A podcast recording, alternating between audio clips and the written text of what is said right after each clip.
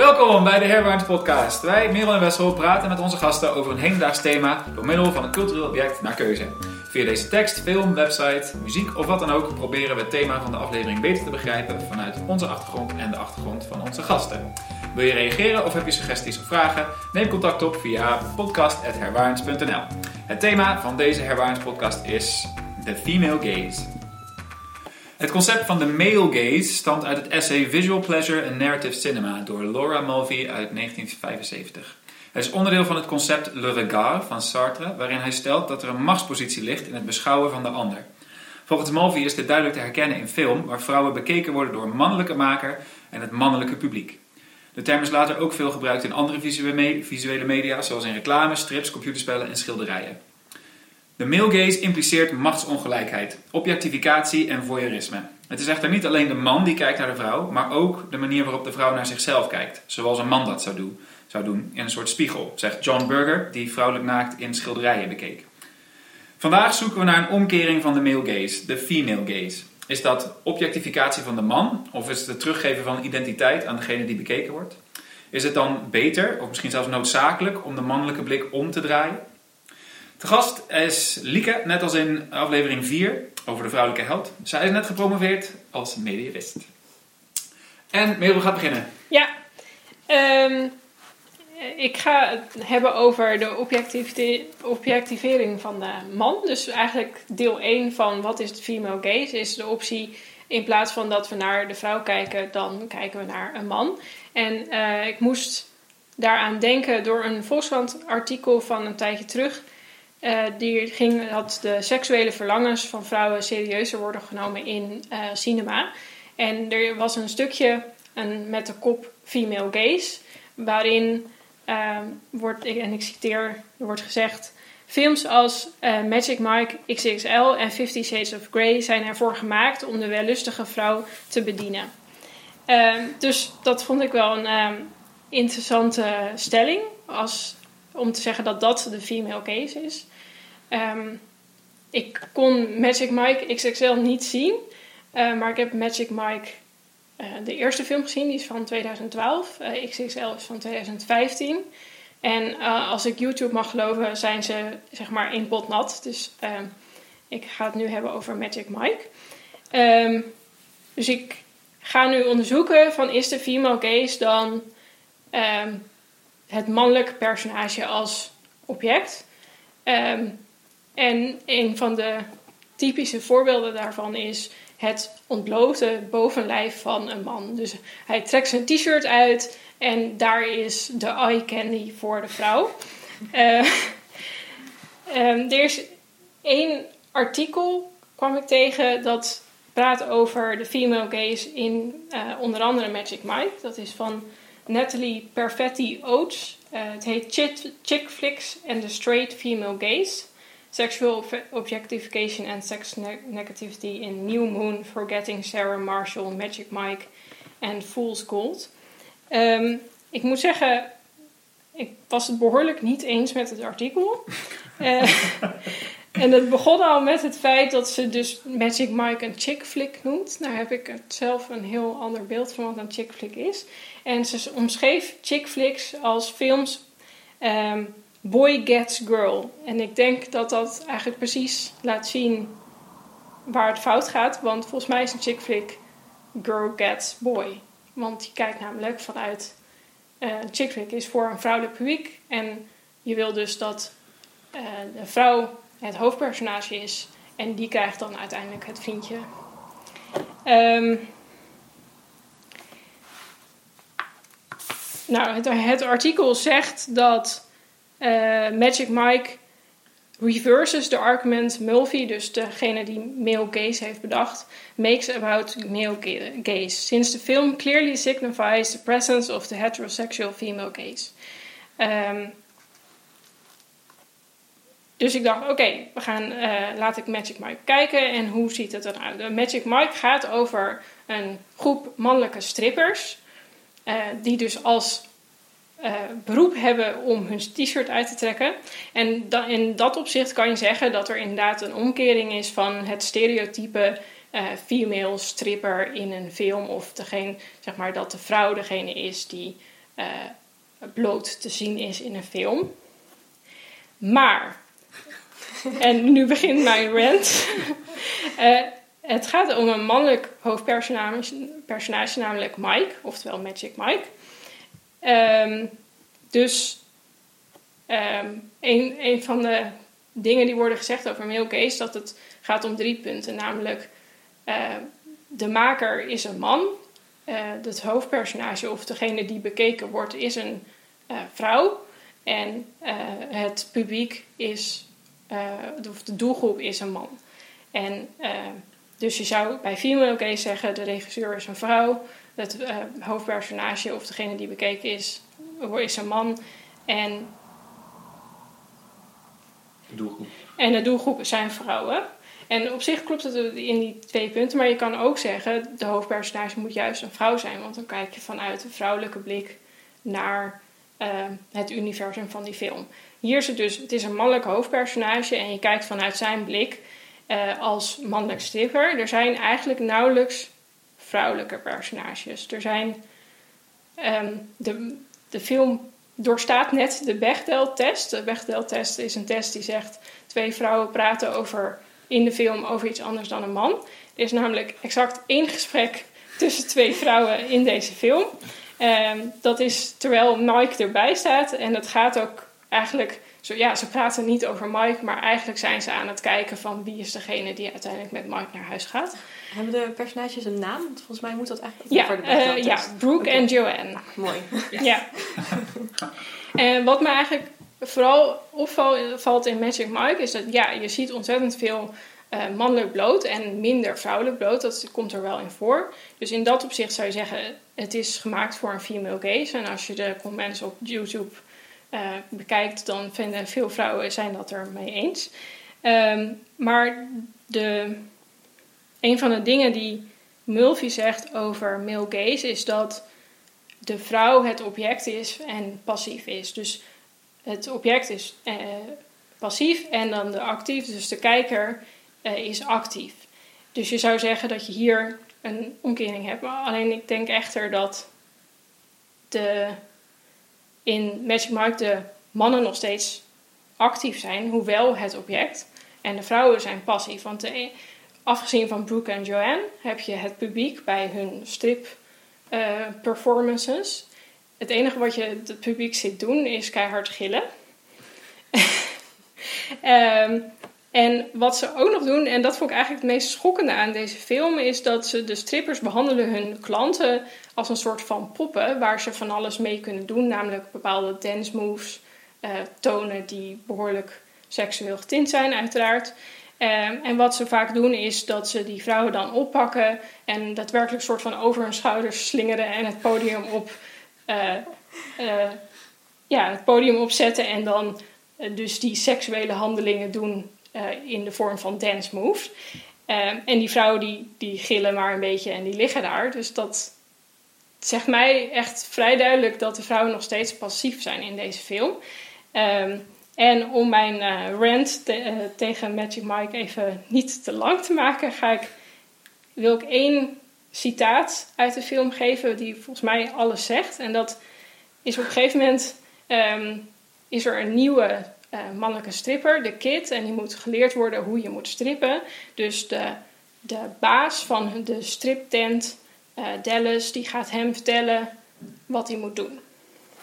En uh, de auteur van het artikel wat ik net noemde, die zegt van dit is een expliciete referentie naar de female gaze. Want hij zegt namelijk: You are the man on the stage. Thousands of women looking at you. Dus dat is het female gaze uh, gedeelte. You are their vision. You own it. You tease. You seduce. You gotta believe you're inside every single woman. You're not just stripping, you're fulfilling every woman's wildest fantasies. You're the husband that they never had. You're the dreamboat guy that never came along. You're their liberation. Own it. Who's got a cock? You do. They don't. Um, ja, Ik weet niet of ik dit moet, nog moet uitleggen. um, maar het is heel duidelijk dat de, de agency nog bij de man ligt. Dus afgezien van het feit dat de mannen, dus de strippers in die film, ehm, ja, hoe zeg je dat? De strippers zijn eigenlijk, dus de, de, het ontblote lichaam zijn, is er verder nog steeds geen agency voor de vrouw. En ik denk dat dat een verkeerde manier is om naar female gaze te kijken. Ehm, ik moet nu denken aan, ik weet niet of jullie die reclame kennen van uh, Coca-Cola, nee, Light was dat. Um, dan zitten een groep uh, meisjes, dames, vrouwen zit in het park. En dan komt er een man met zo'n eenzame grasmaaier voorbij. En die ziet er heel goed uit. En dan gooien ze zo'n blikje cola naar hem toe, van de heuvel af. En hij loopt met zijn ene grasmaaier door de, hele park heen. En uh, die komt tegen zijn grasmaaier aan en zegt: Hé, je moet je even opdrinken. Maar omdat hij natuurlijk van het gras af is gerold, ontploft hij in zijn gezicht. En komt er overal cola te zitten. En dan iedereen zo: Ha, dat is grappig. Maar dan, dan pakt hij ze terug door zijn shirt uit te doen. En dat gaat in slow motion en het licht komt van achter. Het is echt zo'n zo'n engelvisioen, zeg maar. Um, en dan, dan zijn ineens al die vrouwen weer zo van... Wow, oh, oh nee. En dan nemen ze zo onthutst een slokje drinken, zeg maar. Het, het, interessante is dus dat het begint als een soort van spelen met... Oh, we laten de man iets doen. Maar eh, zelfs in deze uh, reclame die specifiek gericht is op vrouwelijke drinkers... Um, wint de man of zo. Het is, het is natuurlijk voor het genoegen van de vrouw. Maar de man pakt ze terug of zo. Ja. Uh, heel interessant, dat, maar, dat het, het, tonen van een mannenlichaam door de man is uh, bijna een soort uh, claim op de vrouw in plaats van uh, wat vaak andersom zo is bij in ieder geval de female gaze als, als concept. Dat de vrouw door het, doordat het iets, de vrouw iets toont, wint de man juist iets, zeg maar. Ja, ja ik, ik, ik zat Magic Mike te kijken en ik was echt zo ik was echt gewoon geschokt dat ik dacht van hoe kunnen ze dit als voorbeeld van female, female gaze geven. Ik zie dit eerder als een uh, mannenfantasie waarin mannen, hoe zeg je dat? Het is meer van dit zouden mannen graag hebben dat vrouwen naar hen, dat vrouwen zo naar hen kijken of zo. En dat ze er uh, van alles mee kunnen doen, omdat die vrouwen toch wel gillend gek van hen zijn. Ja. Dat, dat gevoel kreeg ik erbij. En ik, ik zat zelf te kijken van weet ik dan een voorbeeld van uh, zeg maar het ontblote bovenlichaam van een man waar je misschien wel female gaze op kan plakken? Zeg maar, is er een goed voorbeeld van, van optie 1 van wat is een female gaze? Um, en hetgene waar ik uitkwam uh, was een scène uit Crazy Stupid Love uit 2011. Uh, dat is op YouTube op te zoeken als The Big Move. Um, ja. Um, het gaat over Jacob, dat is een beetje een uh, womanizer, of een beetje, dat is een womanizer. Uh, en Hannah, en Hannah is met hem mee naar huis gegaan uh, met het doel om seks te hebben. En um, daar kan je gewoon, Hannah heeft daar de touwtjes in handen. En Jacob is eigenlijk een beetje passief en op een gegeven moment ze spot heel erg met hem en het feit dat hij een womanizer is. En dan zegt ze van, kan je alsjeblieft je, je t-shirt uh, uitdoen, want uh, ik word hier een beetje gek van, ik wil gewoon weten hoe het eruit ziet. En dan, dan wordt hij dus gedwongen om dat te doen door, door haar. Dus zij is dan de actieve agent hierin. Um, en uh, dat wordt nog benadrukt door het feit dat hij dan zegt van, oh, dan trek jij dan ook je jurk uit. En dan zegt ze, nee, dat ga ik echt niet doen. Uh, en dan mag ik dan mijn, mijn t-shirt weer aandoen? Nee, dat mag niet. Dus zij is wel duidelijk degene in charge. En um, ze spot ook met het feit dat hij bepaalde trucjes uit, uh, past op, toepast op uh, vrouwen. En aan de andere kant laat ze ook wel zien dat ze zelf er ook wel gecharmeerd van is. Dus ik dacht, ja, als je dan zeg maar de female gaze als een, gaze als een soort van eye candy voor vrouwen wil doen, dan zou ik dat eerder het is nog steeds, maar zelfs is, dat is nog een ingewikkelde film. Want een van de dingen wat ik bijvoorbeeld niet heb genoemd, waarom ik denk dat Magic Mike ook geen goede female gaze voorbeeld is, is dat de regisseur en de screenwriter van zowel Magic Mike als XXL zijn mannen, namelijk Steven Soderbergh. Soderbergh. Screenplay is van Reed Carolyn en XXL is door de regisseur Gregory Jacobs. En ook Crazy Stupid Love is gemaakt door een mannelijke regisseur en een mannelijke screen, screenwriter. Um, En wat je in beide films ziet, is dat heteroseksualiteit de norm is. Ja, viel me ook heel erg op inderdaad. Ja. Alsof de female gaze alleen maar op een man gericht kan zijn. Ja, precies. Dus er, dit is nog steeds het idee van eh, de vrouw wordt verleid door de man. Ehm, en ik, ik denk dat als je op zoek wil gaan naar wat is, hoe, wat is female gaze, wat, wat kunnen we daarmee, dat je daar vanaf moet. En ehm, daar had ik dan mijn citaat van eh, Virginia Woolf bij, eh, uit A Room of One's Own. Op een gegeven moment zegt ze. It was strange to think that all the great women of fiction were, until James Austen Day, not only seen by, by the other sex, but seen only in relation to the other sex.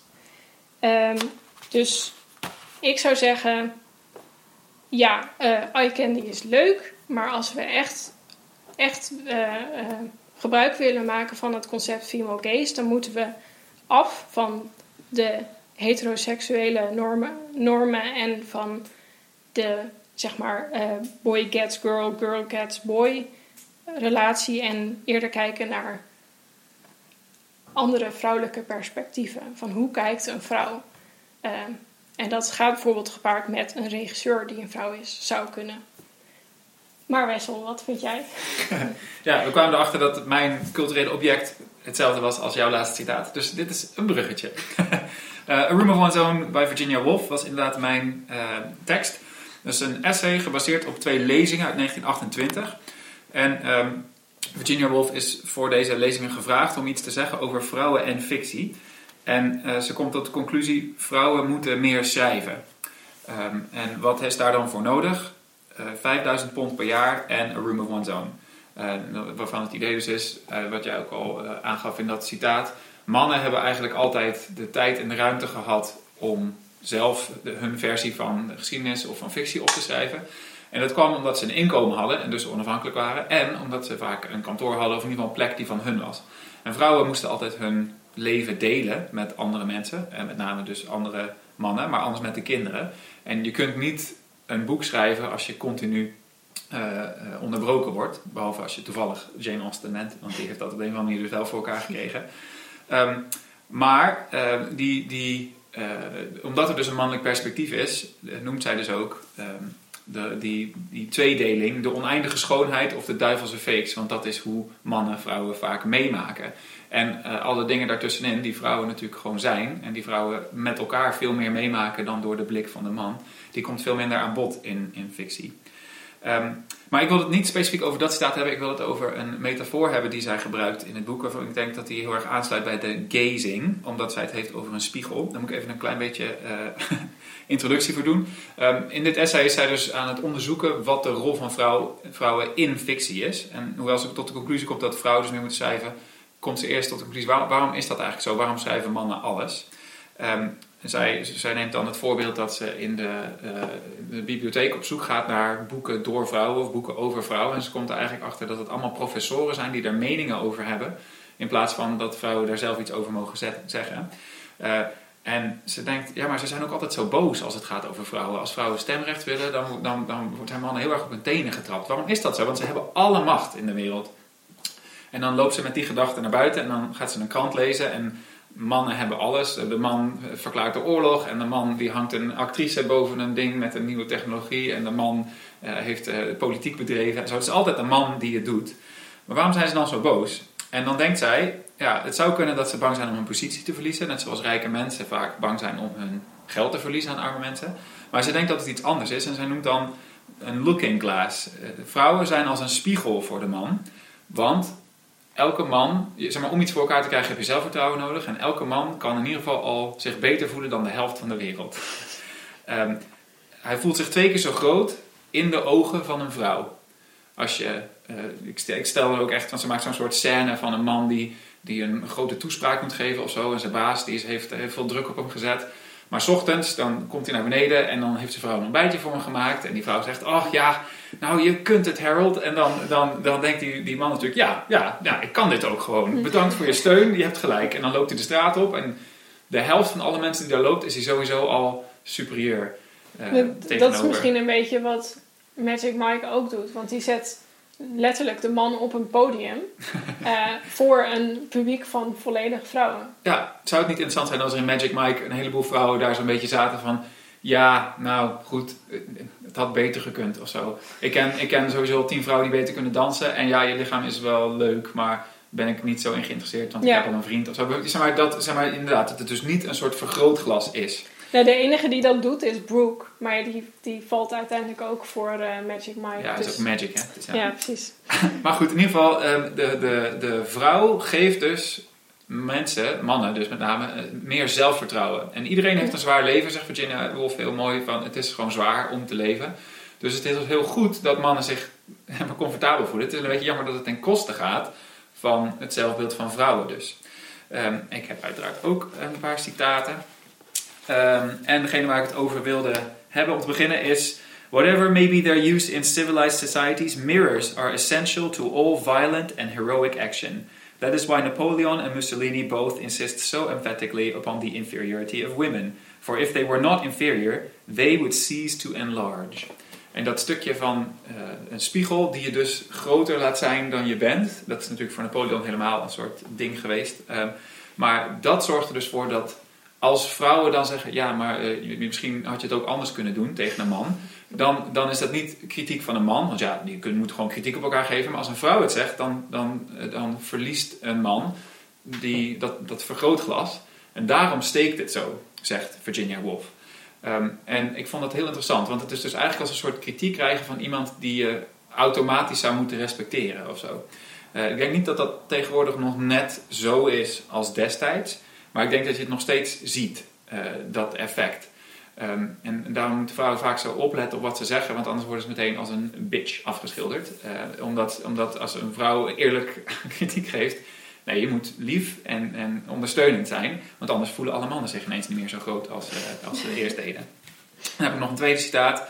Under the spell of that illusion, I thought looking out the window, half of the people on the pavement are striding to work. Ehm, de illusie dus dat je beter bent dan eh, tenminste de helft van de andere mensen. For if she begins to tell the truth, the figure in the looking glass shrinks. This fitness for life is diminished. En dan komt er een hele lijst met een, een tikkeltje ironische dingen die hij nog steeds moet doen. How is he to go on giving judgment, civilizing natives, making laws, writing books, dressing up and speechifying at banquets, unless he can see himself at breakfast and at dinner at least twice the size he really is? Eh, mooi dat het woord speechifying hier wordt gebruikt als een beetje zo kletsen en ja, civilizing, civil- civilizing natives. Het zijn allemaal dingen die mannen de hele tijd hebben gedaan en de hele tijd doen. Maar dat kunnen ze dus alleen doen als vrouwen ze een soort van beter laten zien. En om dat even in de female gaze context te plaatsen, dan gaat het dus over een, een ander soort spiegel. Vrouwen zien zichzelf zoals mannen hen zien. En mannen zien zichzelf zoals vrouwen hen zouden moeten zien. Eh, wat jij net zei over Magic Mike ook. En als je dus de female gaze zou moeten maken, het is de, de blik zoals vrouwen die hebben van mannen, zou dat dus eigenlijk niet moeten zijn zoals mannen willen dat ze gezien worden, Hm. eh, uiteraard. Ze heeft het ergens anders in het essay ook over de red light of emotion en de white light of truth. Dat is ook weer een visuele beeldspraak. Ehm, eigenlijk zou je willen dat de female gaze een, eh, een, een waarheid verkondigt. En dat, dat een vrouw zegt, ik ga ook een film maken en in die film laat ik zien hoe vrouwen eigenlijk met elkaar praten. Ja. Of hoe vrouwen mannen eigenlijk zien als ze niet de hele tijd moeten zeggen, oh ja, jij bent wel heel sterk, ja. Ehm, want dan heb je echt een verrijking van de, de, het, het bewustzijn van iedereen. En dan worden mannen dus niet twee keer zo groot gemaakt, maar zien ze zichzelf hoe ze eh, echt zijn. Ja, dus eigenlijk zou je... Je zou kunnen denken dat ehm, die spiegel waar Virginia Woolf het over hebt... dat dat een, een female gaze is. Want het is letterlijk de blik van een vrouw... zoals een man die eh, tot zich neemt. Maar Ja. dat is eigenlijk dan dus nog de- inderdaad de weerspiegeling... van wat de male gaze is... eh, naar een, ja, ik probeer nu Dus de- iets de man visueel uit te beelden. Wat De man kijkt naar zichzelf via de vrouw. Ja, Dus Het precies. is eigenlijk de, de man die naar zichzelf kijkt. ja, Ja. Ja. ja. Ja, maar dat is wel grappig, want dan hebben we een dubbele spiegel. Omdat dus, zoals ik in de intro al zei, er ook wordt gezegd dat hoe vrouwen naar zichzelf kijken ook is hoe de man naar hen kijkt. Eh, Ehm, dat zit in reclame vaak heel erg dat, dat een mooie vrouw wordt afgebeeld en de mannen willen die vrouw en de vrouwen willen die vrouw zijn, zeg maar. Dat daar een soort idee, idee in van zit. Wil je ook niet dat mannen zo naar je kijken? Zoiets, zeg maar. Eh, ik, heb, ik ga nog een linkje zetten in de, eh, naar de intro waarin een heel mooi artikel staat over een aantal reclames. Waarin er eentje heel mooi wordt dat, dat een paar mannen zo opkijken naar een vrouw die voorbij loopt. En daarin zit heel duidelijk dat, dat kijken verweven. Hm. Maar goed, dan hebben we dus nu een spiegel die eigenlijk aan twee kanten weer spiegelt. En, en eh, nadrukkelijk een vergrootglas is voor de ene kant en misschien eigenlijk een, een, een verkleinglas. Dat bestaat misschien niet. Een verrekijker ook niet voor, voor de ander. Ehm, en wat jij net zo mooi met je vingers aan het uitbeelden was, want dat betekent dus dat je elkaar eigenlijk niet goed kunt zien. Nee. Eh, want het is alleen maar een weerspiegeling.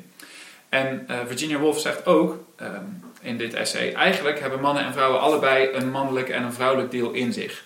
Ehm, en misschien is dat te tweeledig als we voorbij gender willen kijken in, in twee extremen. Maar in ieder geval zit daar een idee in van je hebt, je hebt een harmonie tussen verschillende kanten nodig. En als je het dan ook al hebt over de white light of truth, dan is het dus heel belangrijk dat uh, mannen het vrouwelijke stuk kunnen erkennen en vrouwen het mannelijke stuk. En ik wil niet precies daar nu op ingaan, want het is allemaal best wel een complex idee wat dat dan zou moeten zijn.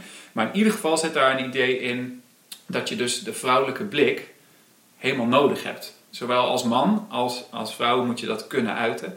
En eigenlijk ook als samenleving. En er staat een mooi citaat bij. Poetry ought to have a mother as well as a father. Nou, als je alleen maar mannelijke teksten hebt en mannelijke blikken hebt, dan zie je de werkelijkheid niet goed. Want sowieso ongeveer de helft van de samenleving is niet mannelijk.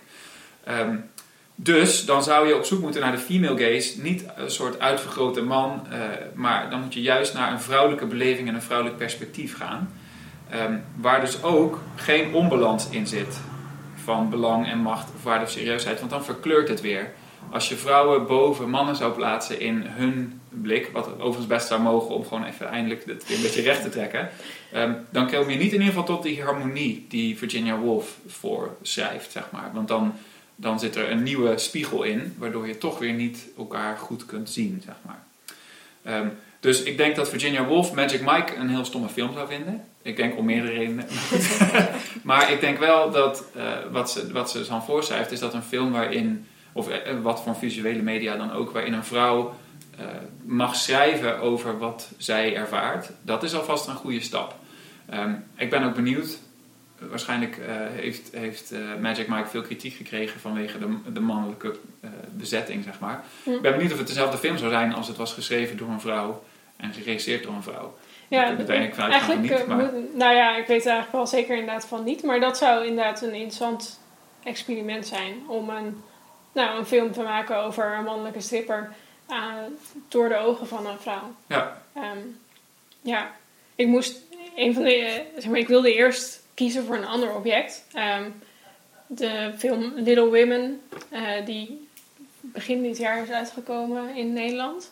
Um, en dat, dat is een historische, of een historische setting met vier dochters en een, en een moeder. En eigenlijk de vader is een soort van de helft van de film afwezig. En eigenlijk de mannen zijn überhaupt eigenlijk niet echt spelen een rol. En normaal gesproken heb je inderdaad, zoals Jane Austen ook doet van die historische kostuumdrama's. Het gaat altijd over dat je uiteindelijk moet trouwen. En dat speelt in deze film wel een rol. Maar het gaat eigenlijk voornamelijk over de interactie tussen de vier zussen en hun moeder. En het is ook nog eens een soort van feministische uh, kritiek geworden, omdat er nagedacht wordt over waarom moet ik nou trouwen en wat, zeg maar, wat is mijn rol als vrouw. Uh, terwijl, want ik ben nu nog een meisje, want we zijn, het zijn allemaal dochters. En um, hoe, hoe gaat mijn transitie van meisje naar vrouw worden en waarom moet ik dan trouwen? En dat vond ik een heel goed voorbeeld van um, wat jij nu zegt. Uh, dat je niet de omkering hebt, maar eigenlijk dat de spiegel, spiegel verbroken wordt. En dat je een, een, een vrouwelijk perspectief krijgt aan de hand van uh, vrouwen. Want het is geregisseerd door een vrouw, het is gebaseerd op een boek van een vrouw. Ja. Met uh, de hoofdpersonages zijn vrouwen die ja. over zichzelf praten en niet over een man. Want dat is interessant aan die Bechdel-test. Dat is natuurlijk best wel een, een fenomeen geworden de laatste jaren. Ja. Uh, en je hebt ook mooie websites die dat dan bijhouden, zeg maar. Maar er zijn heel veel films om die reden die heel cynisch die test doorstaan. Zoals dus Magic Mike. Ja. Dat je echt denkt, ja, je bent gewoon even een vinkje aan het zetten. Ja. Ehm, dus eigenlijk, er moet nog een soort Bechteltest plus komen of zo. Oké, maar waar hebben ze het dan over? Is het echt één keer? Of want, want zeg maar, als je, ik kom soms op die website omdat ik dan benieuwd ben of daar een soort groei in is. En je ziet een heel nadrukkelijke groei in het aantal films dat scoren. Maar dan denk ik, ja, ik heb die film gezien, maar ik kan me niet herinneren. En dan, dan denk je terug, dan zit er inderdaad letterlijk één scène in waarin Ja. twee vrouwen praten over iets. Eh, en dat is het dan of zo. Ik heb het idee dat die Bechdel-test ook eigenlijk vooral de goede een functie heeft om je even te laten nadenken over Ja. dat het inderdaad zo is dat het weinig voorkomt, maar dat het echt als test om films aan af te meten. Misschien niet de allerbeste, eh, Nee. Nee, of nee. meest diepgaande het is. was nee, ook- zeker niet. Het is ook begonnen als een soort van, van cynische, cynische grap, toch? Ja, Eh, ja, geloof ik, eh, ja. ja. ja. ja. Dus het is interessant als je dus, als je dus aan de hand van een soort eh, ehm, meetinstrument wil vaststellen of je een vrouwelijk perspectief erin hebt, dan ben je eigenlijk al verkeerd bezig. Want dan, dan breek je die spiegel niet. Dan ben je dat gewoon aan het omkeren op een soort makkelijke manier. Ik denk ook niet dat Bechtel dat eh, voor ogen had hoor, voor de duidelijkheid. Het was inderdaad juist een kritiekpunt. Ehm, maar in ieder geval, ehm, als we het zouden doen zoals Virginia Woolf het wil, dan, dan hebben we dus meer kunst door vrouwen gemaakt, over vrouwen. Ehm, en mannen mogen natuurlijk gewoon meespelen. En alle eh, eh, transgenders en alle andere mensen van verschillende... Nou, ik zou zeggen dat ze ook ook. vooral moeten gaan kijken. Ja, ja. Maar Ja. in ieder geval dat, dat daar dan dus een soort eh, verrijking in zit. Gewoon van de menselijke ervaring eh, en, en het uiten daarvan.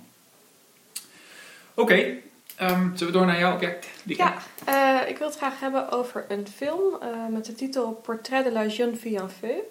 Het is een film eh, die in 2019 is uitgekomen, eh, dus vrij recent. Eh, de regisseur is Céline Sciamma, dus een vrouw dit keer. Ehm, en je zou eigenlijk kunnen zeggen dat die hele film over de female gaze gaat, maar eigenlijk op een compleet ho- eh, 180 graden andere manier dan Magic Mike. Ehm, er is namelijk absoluut geen omdraaiing van man- en vrouwrollen. Eh, er komen zelfs eigenlijk vrijwel geen mannelijke personages in de film voor. Ehm, maar in deze film gaat het juist om de, ehm, de machtsverhouding die in de male gaze zit. Dus dat je een actief, ehm, eh, actief kijkende man hebt en een passief bekeken vrouw. Dat is juist iets wat, nou, je zou kunnen zeggen, gedeconstrueerd wordt. En er wordt onderzocht hoe je juist een gelijkwaardige relatie van kijken zou kunnen hebben. Ehm, ik zal even kort eh, een beetje het, het plot uiteenzetten, omdat dat ook voor de thematiek eh, belangrijk is. Eh, een van de twee hoofdpersonen is Eloïse. Ehm, zij ehm, woont op een eilandje voor de Bretonse kust. En het speelt zich af in de 18e eeuw. Dus ook een beetje een kostuumdrama. Eh, en aan het begin van de film eh, is ze eigenlijk net door haar moeder uit het klooster gehaald. Eh, in dat klooster had zij het goed naar de zin. Ehm zegt zelf bijvoorbeeld over het kloosterleven dat gelijkheid een aangenaam gevoel is. Dus in die gemeenschap met alleen maar vrouwen ehm, nou ja, voelde zij zich op haar plek. Maar haar zus is van een klif gesprongen. En daarom moet zij eigenlijk de plaats van haar zus innemen als huwelijkskandidaat voor een Milanese man. Ehm, en daar heeft zij eh, absoluut eh, nou geen zin in. En vooral verzet zij zich ook tegen het idee dat zij daar zo weinig inspraak in heeft. Eh, dat zij ook die man niet mag ontmoeten. Dat, zij, ehm, eh, dat de beslissing over of het doorgaat eigenlijk van de man zal komen. Haar moeder heeft namelijk het idee om een schilderij van haar te laten maken, een portret. En die man moet op basis van het schilderij dan gaan beslissen of hij met haar wil trouwen. Ehm, nou, allereerst, eh, er is al een mannelijke schilder geweest die dat geprobeerd heeft om dat schilderij te maken, maar zij heeft geweigerd te poseren. Dus ook, eh, is eigenlijk ook een, verzet tegen dat huwelijk. Maar ook dus een verzet tegen de male gaze. Ehm, zij, wil dus niet, eh, zij wil zich niet onderwerpen aan de blik van die mannelijke schilder. En ze wil zich ook niet onderwerpen aan ehm, die machtsverhouding van dat huwelijk, waarin zij eigenlijk geen agency heeft. Dan eh, aan het begin van de film ehm, heeft eh, die moeder een nieuw plan bedacht. Ehm ze heeft namelijk een vrouwelijke schilder ingehuurd eh, met de naam Marianne. Ehm, en tegen Eloïse een beetje verkocht als dat Marianne een gezelschapsdame is. Dus Eloïse weet niet dat Marianne daar komt met het doel om haar te schilderen. Dus wat ze moeten doen is daar overdag, dan gaat Marianne met Eloïse naar buiten. En dan moet ze haar stiekem een beetje proberen te observeren. Je ziet ook in de film heel vaak soort van een spel van blikken, stilse blikken die heen en weer gaan. Ehm, en dan, uh, nou ja, als ze dan uh, terug zijn, dan gaat Marianne stiekem in haar kamer dat schilderij proberen te maken. en je ziet dus aan het, in het, die eerste, uh, het eerste deel van de film dat Marianne eigenlijk um, de male gaze een beetje op zich neemt. Want zij plaatst zichzelf in die positie van een nou ja, actieve schilder die kijkt naar een, naar een vrouw die eigenlijk daar geen, nou ja, weinig zeggenschap in heeft. Ehm, daarnaast in het begin houdt zich ook heel erg aan de de regels van de Franse Academie, dus de, de schilderregels en de conventies, daar is ze erg mee bezig. Dus ook die, uh, dat is natuurlijk een heel mannelijk domein, die academie. Um, dus zij, zij schikt zich eigenlijk in begin heel erg naar die, uh, die rol van de, uh, van de male gaze. op een gegeven moment moet het geheim natuurlijk uitkomen. En Marianne vertelt dan zelf aan Eloise dat ze haar geschilderd heeft en later dan de schilderij zien. En dan verwacht je als kijker misschien dat Eloise heel uh, boos gaat worden omdat ze uh, nou ja, verraden is of uh, bedrogen is. Maar wat dan een beetje onverwachts komt, is dat Eloise de, eigenlijk een beetje de rol van kunstcriticus op zich gaat nemen. En eigenlijk het schilderij bekritiseert, omdat het, het voldoet misschien wel aan de conventies van hoe een ideaal schilderij eruit moet zien. Maar ze vindt het niet dicht bij zichzelf staan. Ze herkent zich eigenlijk haar karakter niet goed in. En ze vindt het ook niet, niet dicht bij Marianne zelf staan. Um, dus eigenlijk uh, neemt zij als, als het passieve object dat geschilderd is, neemt zij ineens een actieve rol aan en zegt ze van nee, ik vind dit, dit is niet het schilderij wat ik, uh, wat ik zou willen hebben van mezelf. Nou, Marianne besluit dan om het uit te wissen. Um, dus het schilderij is, is, is vernieuwd. Um, besluit toch om zich te laten poseren. Dat is eigenlijk de, de, eerste actieve beslissing die zij neemt in de film. Dus eigenlijk herwint een soort agency. Want ze zegt, oké, ik ga een model zitten. Uh, je mag me schilderen. En dat schilderij mag dan ook naar die Milanese man gestuurd worden. Um, en vanaf dat moment, um, uh, de moeder verdwijnt dan ook. Die gaat op reis. Dus op dat, op dat moment zij is ook een beetje alleen in dat huis. Er ontstaat ook een liefdesrelatie tussen de twee vrouwen.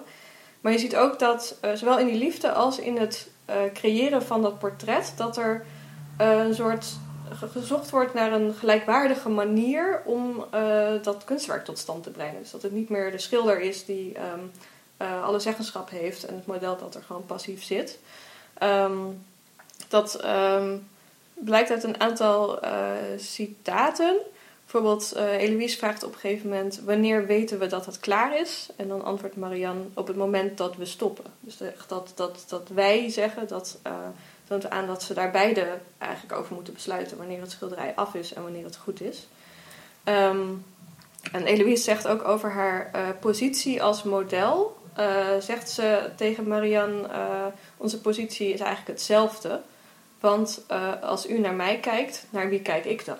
Want al die tijd dat zij daar zit en uh, bekeken wordt en geschilderd wordt, kijkt zij natuurlijk naar de schilder en uh, observeert zij ook wat daar precies gebeurt en weet ze ook allerlei gelaatsuitdrukkingen van Marianne uh, te interpreteren.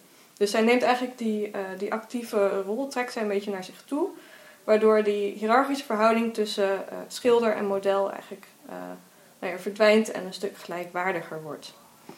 Um, er is er één een scène die ik een beetje als een sleutelscène zie. Waar ik um, hoorde dat hij er eigenlijk pas op het laatste moment is bijgeschreven. Wat ik wel grappig vond. Uh, dat is een scène waarin uh, Marianne, Eloïse en uh, ook het dienstmeisje aan tafel zitten. En um, Eloïse leest het verhaal van Orpheus en Eurydice voor. het is wel verhaal is denk ik bekend, maar Orpheus gaat dus zijn vrouw Eurydice ophalen uit de dode wereld. Hij wil haar terughalen.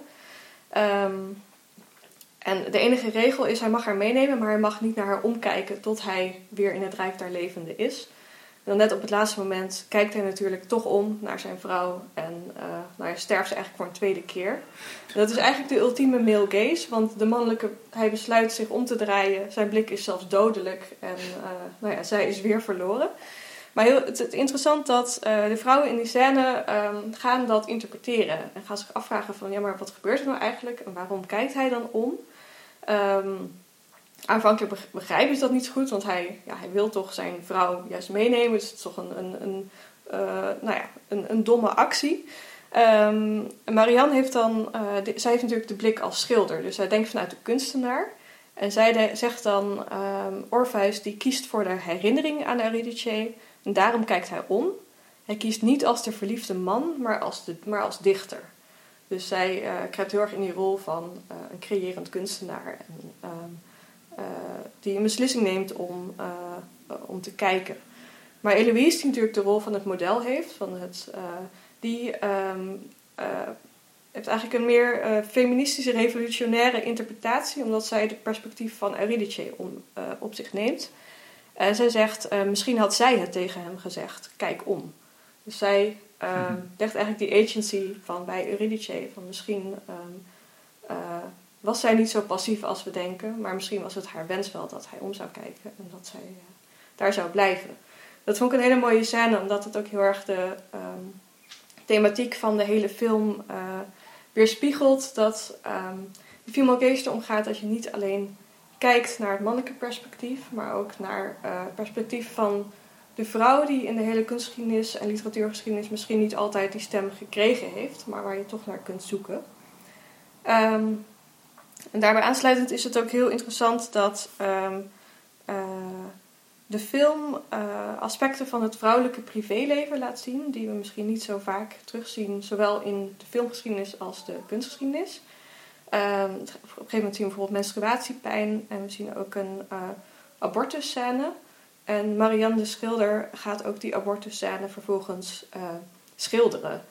En dat uh, roept heel erg het bewustzijn op dat we in een museum nooit een uh, scène met een abortus zien. Omdat natuurlijk ja, alle werken van de oude meesters zijn door mannen gemaakt. En die hadden echt helemaal geen toegang tot zo'n mm. gebeurtenis. Dat is echt het privé-domein waar alleen maar vrouwen zich in begeven. Um, en ook in films zien we dit soort zaken niet zo heel vaak. Dus het feit dat er een uh, vrouwelijke regisseur is, um, zorgt er ook voor dat dit soort thema's uh, nou ja, wat vaker op het doek te zien zijn. En dat zijn toch echt zaken die de hele geschiedenis lang al echt een belangrijk onderdeel, onderdeel zijn geweest van het leven van, uh, van vrouwen. Wat ik ook mooi vind, vond aan die abortusscène is dat het eigenlijk bijna een praktische handeling wordt. Ja. Er zit natuurlijk heel veel emotie wel bij, maar veel of films die over een abortus gaan, die gaan vaak over uh, het emotionele aspect van moet ik dit wel doen, moet ik dit niet doen, um, et cetera. En hier is het, wordt het echt de, de scène die Marianne ook schildert. Dat is gewoon de praktische handeling van hoe gebeurt zo'n abortus.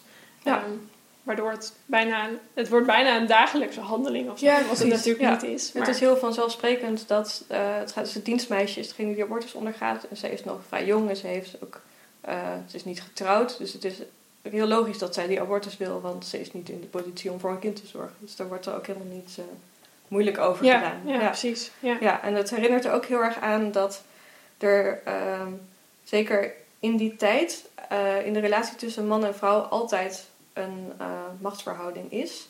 En dat die gelijkwaardigheid misschien nooit mogelijk is in die tijd in een heteroseksuele relatie. Omdat de vrouw altijd risico's loopt om bijvoorbeeld zwanger te worden. Um, dat in een huwelijk uh, de vrouw nooit de zeggenschap heeft die de man heeft en uh, niet zomaar een beroep kan uitoefenen als ze dat wil. Ik denk dat de film daarom ook uh, nou ja, deels daarom heeft gekozen voor een relatie tussen, liefdesrelatie tussen twee vrouwen.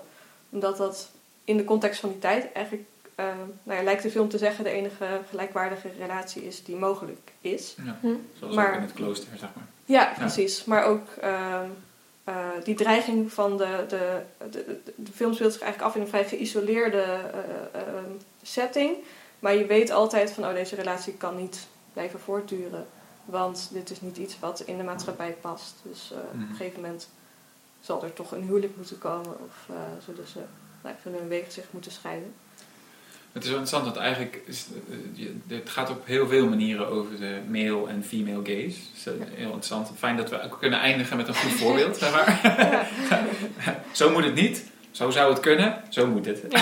maar een, een, interessant ding daarin zit dat de, een, een deel van de macht die de kijker heeft, zit in het documenteren, of in ieder geval het, het overbrengen van de blik.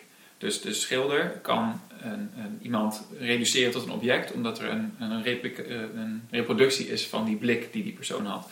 En het verhaal van de, de, de, mythe, daar zit ook natuurlijk het idee in dat dat is het mannelijk perspectief, want die blijft over. En die Ja. vertelt, ja, dat is misgegaan, want ik keek op het laatste moment om. De versie die ik ken van dat verhaal, worden er op het laatst allemaal gruwelijke geluiden en zo zijn hoorbaar. En, en hij denkt dat hij er hoort schreeuwen en dat, dat ze al weggesleurd is, maar hij voelt haar hand nog.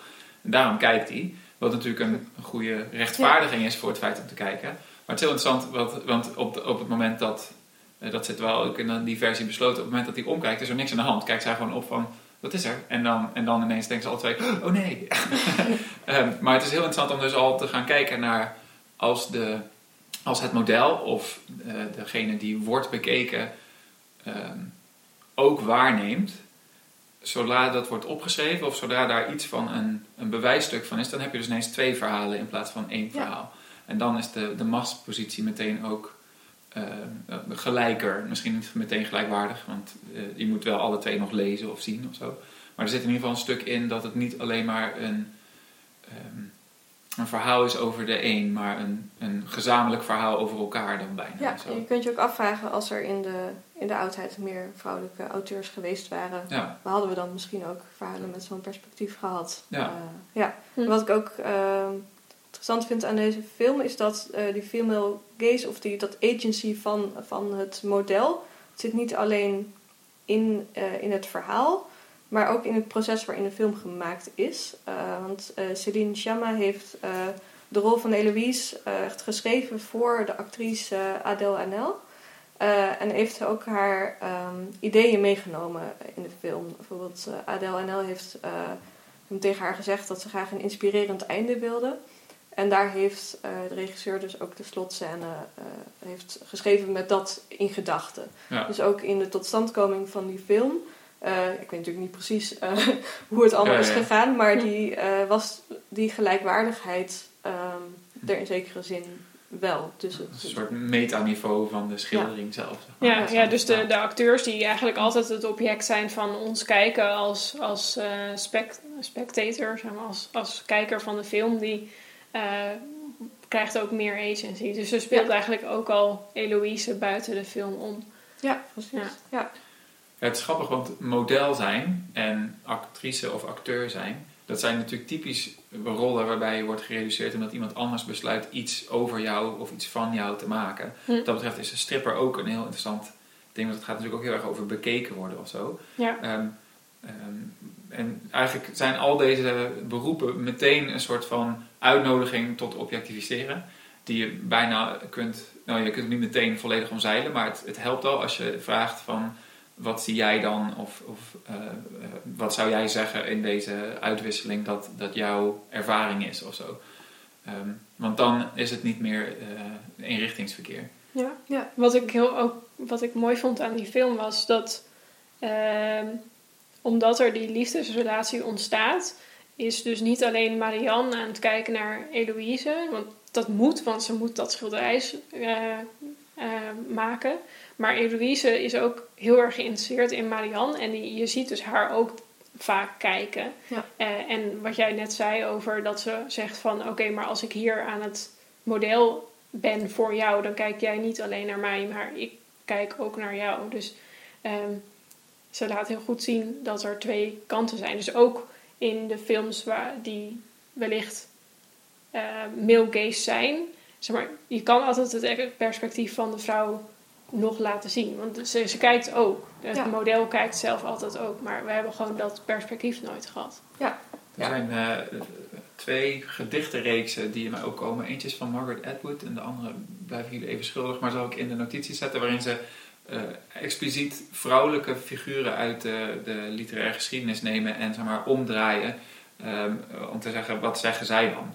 Ehm, en een van degenen die ik het beste kent is van Margaret Atwood, die gaat over de sirene. Eh, Ja. En dan is de sirene dus aan het woord en die zegt, eh, ja het is al eenzaam op dit eiland en Hm. zo. Maar er zit een heel slim trucje in dat ze dan zegt van ja, ik ben zo eenzaam hier en het is zo zwaar. En elke keer als iemand naar me toe komt, dan sterft hij. Maar ja, ik, ik wil gewoon graag geholpen worden. Help me nou. Alleen jij kan me helpen. Maar dan wordt het gedicht natuurlijk langzaam alweer de, de sirene, eh, het sirenegezang. Hm. Ehm, maar er zit een heel interessant ding in dat inderdaad zodra je Odysseus voorbij laat varen en hij wordt gek ervan, eh, ben je eigenlijk natuurlijk heel benieuwd wat dat lied is. Maar dat, dat, ja, wie gaat dat ooit kunnen vangen of zo? Het is super knap gedaan in dit gedicht. Maar wat je dan dus eigenlijk doet, is precies een soort alle boeken langs gaan van vroeger en kijken, oké, dat is een vrouw. Waarom komt die eigenlijk niet aan het woord? Wat zou die zeggen? En soort, dat, daar, dat je dat dus gaat uitwerken. Is natuurlijk onderdeel van de feministische golf van de jaren tachtig. Ik heb ook dat ik een boek heb gelezen, dat uh, heet Cassandra. Dat gaat over uh, de val van Troje. En eigenlijk daarvoor al dat, dat Cassandra dat dus voorspelt en dat er niemand naar luistert. Maar dan gaat het in dit geval, is ze dus niet een voetnoot, maar is, is ze juist de, de hoofdfiguur. Moet ik ook even de schrijfster van opzoeken. Maar ik, kom, ik zal ik allemaal in de notities zetten. Ja, ik heb recent ook uh, twee hervertellingen van uh, nou ja, verhalen uit de klieke oudheid gelezen vanuit het perspectief van een vrouw. Het waren allebei recente boeken, dus blijkbaar is er nu ook weer een uh, ja. interesse in. Het was één over Briseis uit het verhaal van Achilles in de Trojaanse oorlog. Hm. En één over Circe, de, de heks uit het, ja. onder andere het verhaal van Odysseus natuurlijk. Ja. En dan ja, zie je inderdaad dat dat er gebruik wordt gemaakt van de verhalen die er zijn, maar dat er ook wat bij bedacht moet worden, omdat uh, die vrouwen in die verhalen zo'n kleine rol hebben, soms niet eens wat ja. zeggen, dat daar, uh, ja, daar heb je de verbeelding voor nodig om te denken wat hun drijfveren zijn. Ja, ja ze proberen eigenlijk het verhaal compleet te maken. Ja. ja. Waar, waarvan ook uh, Maleficent een mooi voorbeeld is, misschien een minder geslaagde poging, maar van, van om de, de, de, de kwade heks zeg maar, een achtergrond te geven. Um, dus ik, maar ik denk wel dat het interessant is. En ik denk wel dat dit een soort uh, logisch gevolg is van vrouwen die zeg maar, de pen in handen krijgen. Of welk medium dan ook in handen krijgen. Van ja, dit figuur, dat, als dat een vrouw voorstelt, dan ben ik wel benieuwd waarom. en, uh, en met welke achtergrond ze dit doet. Um, dus dat je een soort balans krijgt eindelijk in waar de verhalen over gaan, zeg maar. Ja. En daarmee dus hopelijk de spiegel doorbreekt. En ook ervoor zorgt dat de, eh, de, het evenwicht terugkomt. En zoals Virginia Woolf zegt, dat we dan dus zowel een mannelijk als een vrouwelijk perspectief hebben op de samenleving. Ja, dat zou mooi zijn. De volgende, volgende uh, stap wordt een non-binair perspectief. Ja, want dat hoort er natuurlijk ook nog bij. Ja. ja. ja. ja. Nou, ik vind dus wel in, uh, in, in, in mijn film uh, dat het dus eigenlijk niet zo uitmaakt. Het heet wel de female gaze, maar um, het had ook over mannen kunnen gaan. Ja. Uh, het is niet, uh, female cases hier niet inherent iets aan de vrouwelijke natuur, maar het is gewoon een, uh, een afwijzing van de hiërarchie van de male gaze. Ja, dus eigenlijk komen we tot de conclusie dat we deze aflevering helemaal niet de female gaze hadden moeten noemen, maar gewoon, zeg maar, gaze. waarin, waarin we dus zeggen dat eigenlijk wat, je, wat, wat inherent lijkt te zijn aan de male gaze is een hiërarchie. En dat we, als je daar female gaze tegenover zet, krijg je een andere hiërarchie. Dus dat schiet niet op. Je wil juist een, een anarchische blik waar dus geen uh, rang in zit. Ja, wat, wat, wat ook natuurlijk opvallend is, is aan, aan jouw film, is dat het ook meteen die heteronormatieve uh, uh, norm doorbreekt. Ja. Want het gaat over een, een lesbische relatie. dus je ziet meteen, zeg maar, als je, als je de spiegel kapot slaat, dan krijg je iets krijg je een diverser landschap dan alleen de, de heteronormatieve relatie tussen een man en een vrouw. Um, ja. ja. Waardoor je dus een rijker perspectief zou krijgen op ja. wat er daadwerkelijk gebeurt al de hele tijd. Ja. Oké, okay, mooi.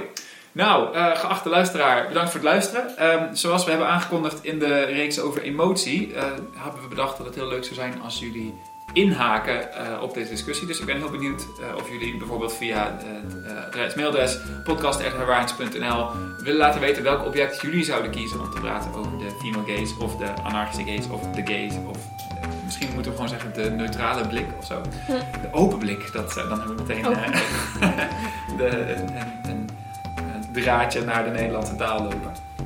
Um, en ik wil ook nog even aankondigen dat de volgende aflevering met Lieselore gaat gaan over de vraag: kan technologie kunst maken? Lieke bedankt, Merel bedankt. Yes. Doei.